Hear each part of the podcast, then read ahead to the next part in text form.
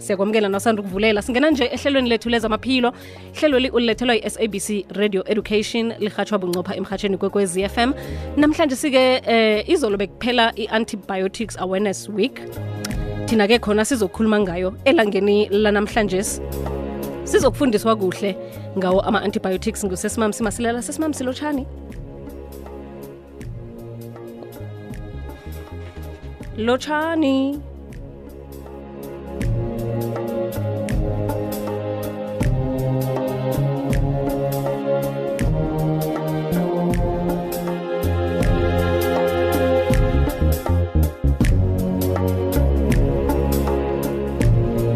silalele ushekina nakathi yena different le kokwezi fm kukhanya ba hlangana nokhunye-ke lilanga lendlwana lapho kucalwe khona ukuhlanzeka abantu bemakhaya basasebenzisa indlwana kesinye isikhathi namanye khulukhulu endaweni eziningi nje zemakhaya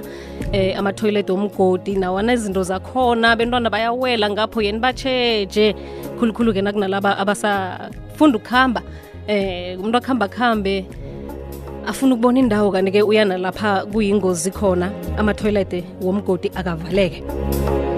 sesimamsilotshani akwande busi nivukile namhlanje singomvulo ekuseni sivukile nivuke njani nina heyi sikhona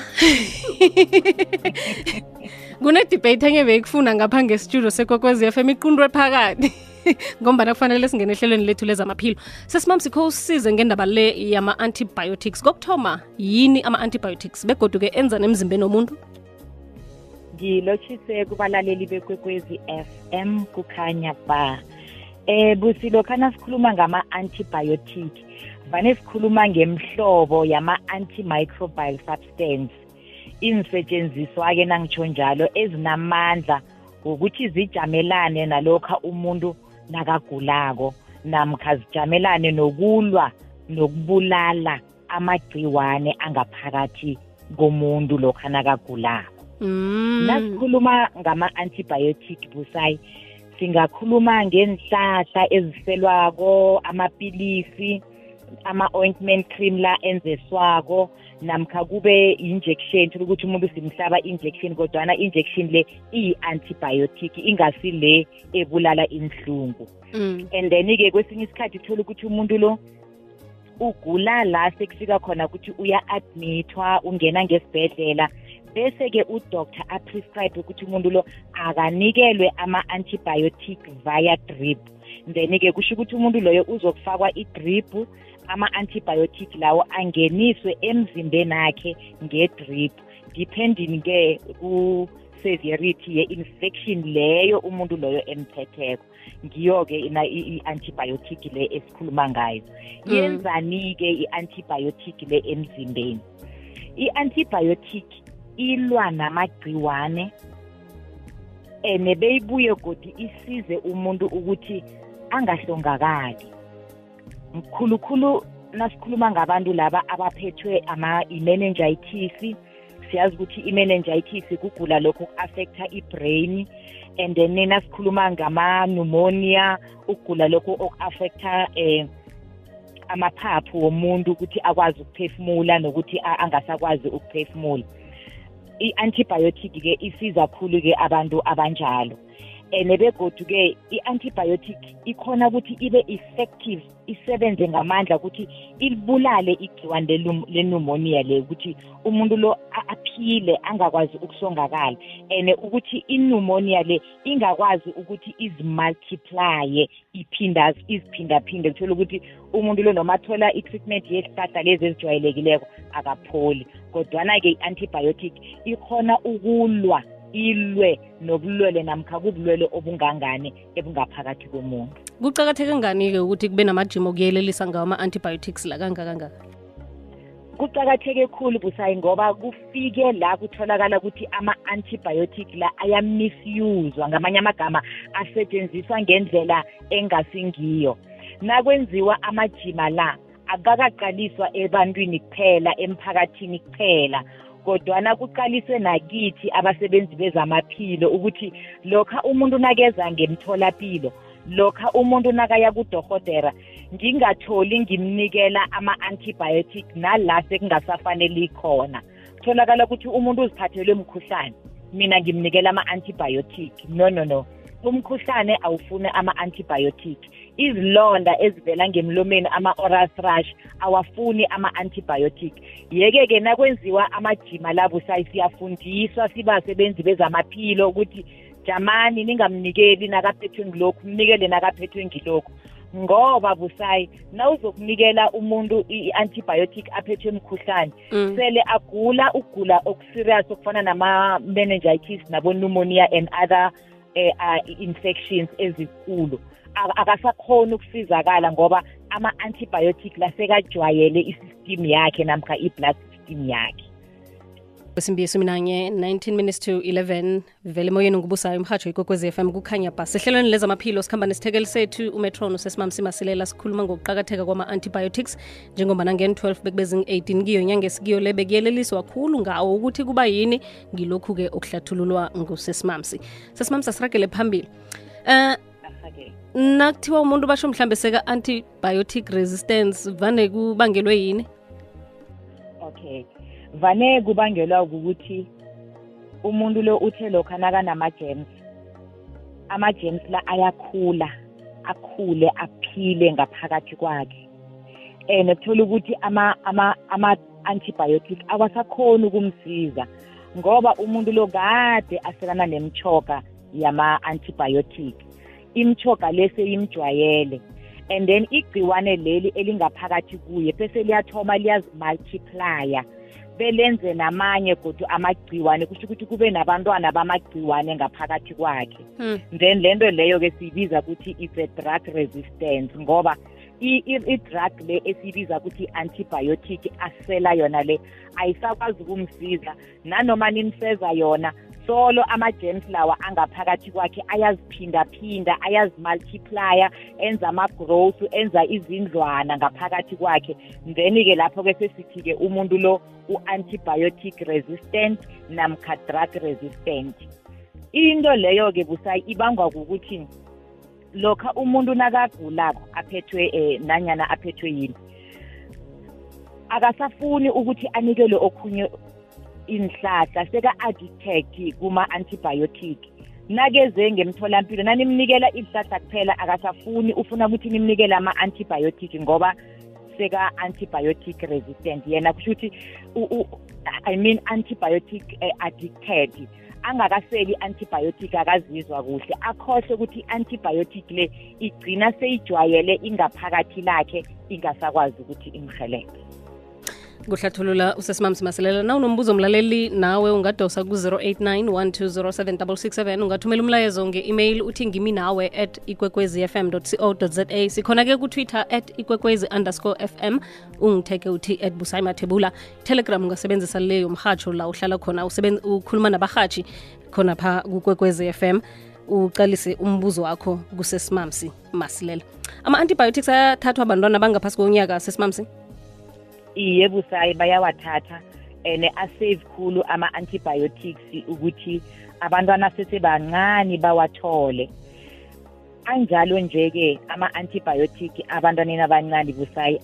aba yi-life saver ukuthola ukuthi umntwana usesemncane mara-ke ngebhadi wathola ukuthi uyasuleleka ngamalwele la ekade ngikhuluma ngawo afana nama-meningitis umntwana athi asesemncane abe nenumonia abe ne-urinary infection i-urinary infection ngikhuluma lokha umntwana ama izifo zakhe ama-kidneys angasebenzi kuhle namkha i-blood stream yakhe ine-infection loyo mntwana loyo-ke siyathoma-ke simnikela ama-antibiotic asave ngendlela erarabo nedi nje okukhona ukuthi elinye nelinye i-antibiotic umuntu aliselayo namkhasihlahla kuzoba khona ama-side effects kusayi la kutholakhala khona ukuthi umntwana lo kwesinye isikhathi angaba ne-rush angahlanza and then abe noziya lezo zizinto ezijwayelekileko ezenzeka umuntu nakasela ama-antibiotic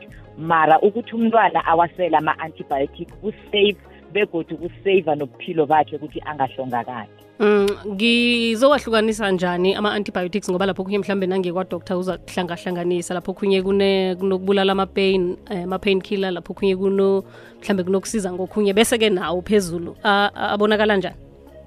awuzowabona wena ngoba isihlahla sakhona ziyafana namapilisi abulala inhlungu lo udoktar okusizile namkha umsebenzi wezamaphilo uzokuchazela athi lawa ma-antibiotic ngibawa lesi sihlahla umntwana umseze bekasiqede or ngibawa amapilisi la uwasele uwaqede ngoba ma-antibiotic ukuthi sikukhombe namkha sikuchazele ukuthi lawa ma-antibiotic senzela ukuthi inhlungu nasele zipholile ngaphakathi kuwe ungawastophi ngoba wa, wa, wazizwa sowungcono emalangeni amathathu sowathobile so ukwasela so wena uyawayekela lokho ngikho-ke okwenza i-drug resistant ukuthi mhlana sewugula godu ama-antibiotic besikunikele wona lawa busayi awasakwazi ukuhelebha so that is why nasikunikela ihlahla siyakhomba sithi le i-antibiotic make sure ukuthi uyisela for seven days namkha five days bowuyicede kucakatheke khulu ukuthi acedwe ne kucakatheke khulu busayi ngoba mawungawacedi mhlana ugulako i-bacteria leya bekade ikuphethe iyamultiplya ngaphakathi kwakho mlaleli iyaziphindaphinda then nasikunikela ama-antibiotic ungasizakali busayi kwakhe kwaba nesehlakalo esinye nangisatrayina esikolweni kwatholakala ukuthi kuno-patient egula ngendlela erarako i-admithiwe esibhedlela sekanikelwe ama-antibiotic woke akaphili unikele ama-antibiotic woke akapholi mm. kwagcina kwagcina abodoktar sebenza ihubhululo lokuthi akuthathwe ingazi zomuntu lo kuyokwenziwa ihubhululo ukuthi ngiyiphi i-antibiotic engamsiza ngoba unikelwa le akapholi unikelwa le i-antibiotic akapholi mm. abodoktar bagcina bangasazi ukuthi kahle kuhle kuhle kwenzakalani lathathwa igazi le-patient nalibuya labuya lithi this patient is resistant to all antibiotic akhona ephasini mm, mm. lokho kusitshela ukuthini ke kusitshela ukuthi i-patient egulako le seyifike ekugcineni kobuphilo bakhe ngoba akusana antibiotic ezomsiza uwasele wonke wonke afakiwe ngedrip usesibhedlela bakhona bonke aboprofessor bakwenzile konke abafuna ukukwenza ku-patient but i-patient ayipholi because sekaku-drug resistant mlaleli acedeke ke nawuwathola kwekhaya la kuthiwe kuceda khona ceda ukwenzela ukuthi ungafani nomuntu loyo akhe stop umlaleli sizo ukuthi unamuphi umbuzo lotshani akwande sikhona njani nina khona ngiba ukuzisa esimami ukuthi kani why abathi medication ayirespondi emzimbeni womuntu nakagulako because sithetha ukuze umntwana anatuso imeningitis anemeningitis layo ngiba ukubuza ukuthi why okay sesimam sinombuzo umntwana uthe unangaki bekana two weeks bekana two weeks yeah. okay mam sesimamsi akarespondi ku-antibiotic ngoba aphethwe yini busayi meningitis okay uma sekabeke phasi ke ukhona ukhona mama mama ngisho sasekhona okay ukuphi umntwana usekhaya namkho usesibhedlela no zangasesibhedlela ku-icu but bathi i-medication ayirespondi noma bamfaka ama-drip wok akurespondi okay i-meningitis it's a dangerous yo kusho ukuthi kugula okudangerous okulimaza umkhumbulo womntwana umntwana uba uba ne-neck stiffness and eh, nasele ase-icu bathi ama-drugs awamhelebhi ngiba uma angalahli ithemba e-ICU kusegubini lokugcina la wonke umuntu sizama ngakho konke indlela ukuthi aphile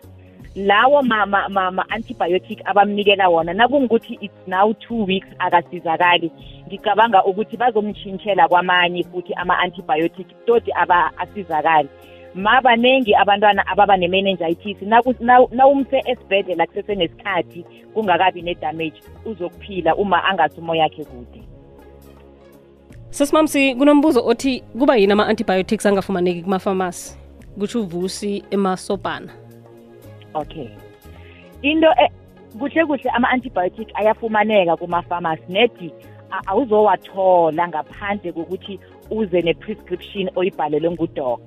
why kwenziwa njalo kwenzelwa ukuthi ama-pharmacist angazitholi ngoba akusibo dokotela bangatholi ngoba bona bayathengisa banithengisele abantu ama-antibiotic nala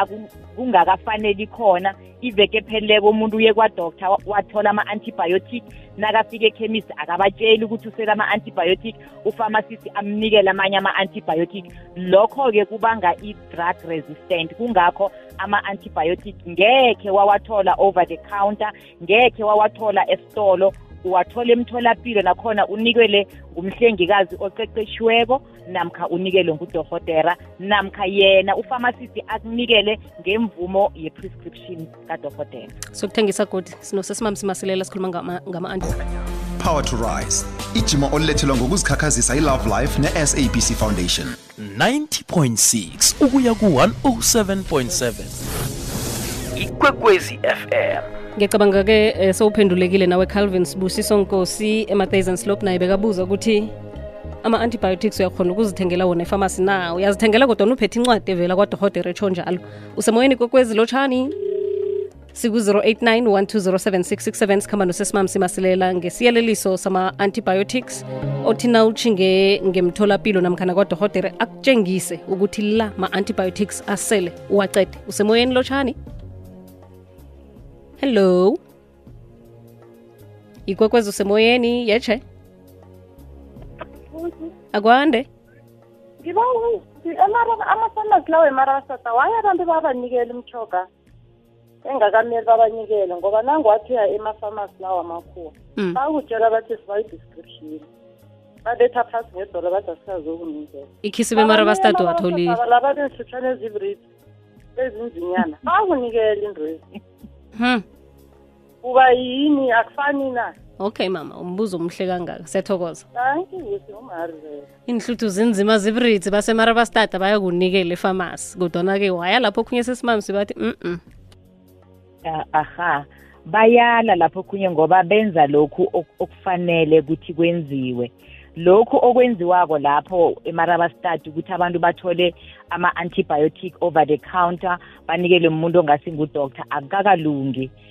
eh bezamaphilo nange bangathola ukuthi into leyo iyenzeka bangababopha nokubabopha kusayi akameli ukuthi yenzeke ngabona bangabathathela nelicense yokuthengisa imchoka leyo yes bangabathathela ilicense nje kwakhona ukuthi uthole umuntu uthi ngiyawazi lawo ma-pharmacy lawo busayi ngikhe ngibone nami abantu bawathenga amapilisi engaziko ukuthi leli pilisi akameli ukuthi ngabe uyalithola esitolo mara ngiyabona ayathengiswa so ngicabanga ukuthi umbuso nawo ngathi ungayiqalelela into enjalo ngoba ngiyinto ezokwenza ukuthi abantu nabasemarabastadi bazithengela amapilisi nabafika emtholapilo or kubodokotela nawuthi wena umnikela i-treatment ayisamsizi kanti kade aziphindaphinda ngama drugs angakafanele ukuthi ebile khana uyawasela and futhi kunamanye amapilisi abawatholako khona lapho ebantwini benhluthu eziburitsanezo and then bayawasela and eh, ama-side effects wama-drugs lawo abalimaza aba ama-kidneys busayi uthole mm. umuntu mm. sebathi une-kidney une failure iziso zakhe azisabereki ngoba mapilisi naka mhlotshana lawa engekhe ngiwabize ngegama enwathola ngale mara abastadi balaleli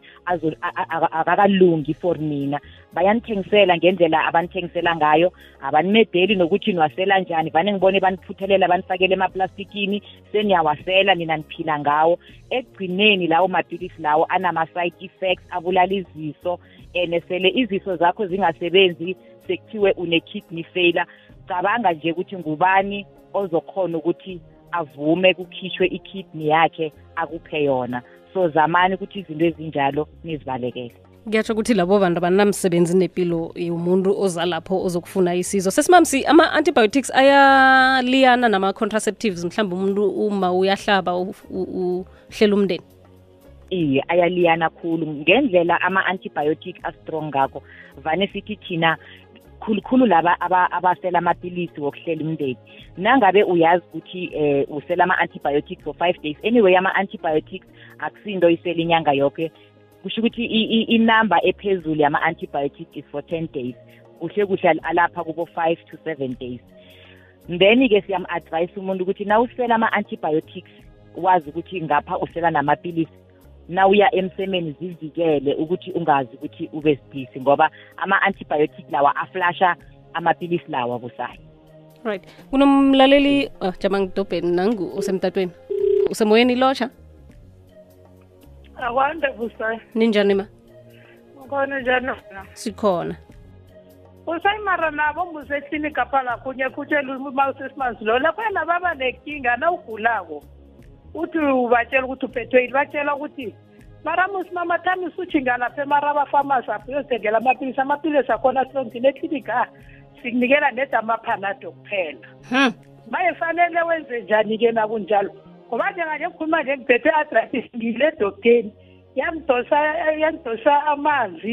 yanginikeza amapilisi leso sikhathi yathi ngibuye ngiyohlabenye izekheni ngiyoyithenga ngayithenga bangihlaba mara azange sanginikela amapilisi phela wayo la aphelile mathi i-arthritis nayibuya kongenze njani-ke lapho iklinika kuphi lela bathi khambe marobastata ngiyakhona la eroyistrala eroyistrala yebo hmm, okay mam sesimam sinombuzo okay alright ungamphendula eh busayi iro isikali ngiyayibona ukuthi kuphi akukameli ukuthi umuntu nakeze ekliniki umlayele marabastad nangabe mhlambe ekliniki amapilisi aphelile kungamane bakubhalele i-referal ukuthi iya kudoktor le ukugule kukuphethe thina ngapha ngekliniki asinayo imchoga khona iya kudohotela then-ke ukuphendula kodwa omunye umbuzo kama balaleli i-ithritis ukugula kwamathambo okubuhlungu ngakho ukuthi akulapheki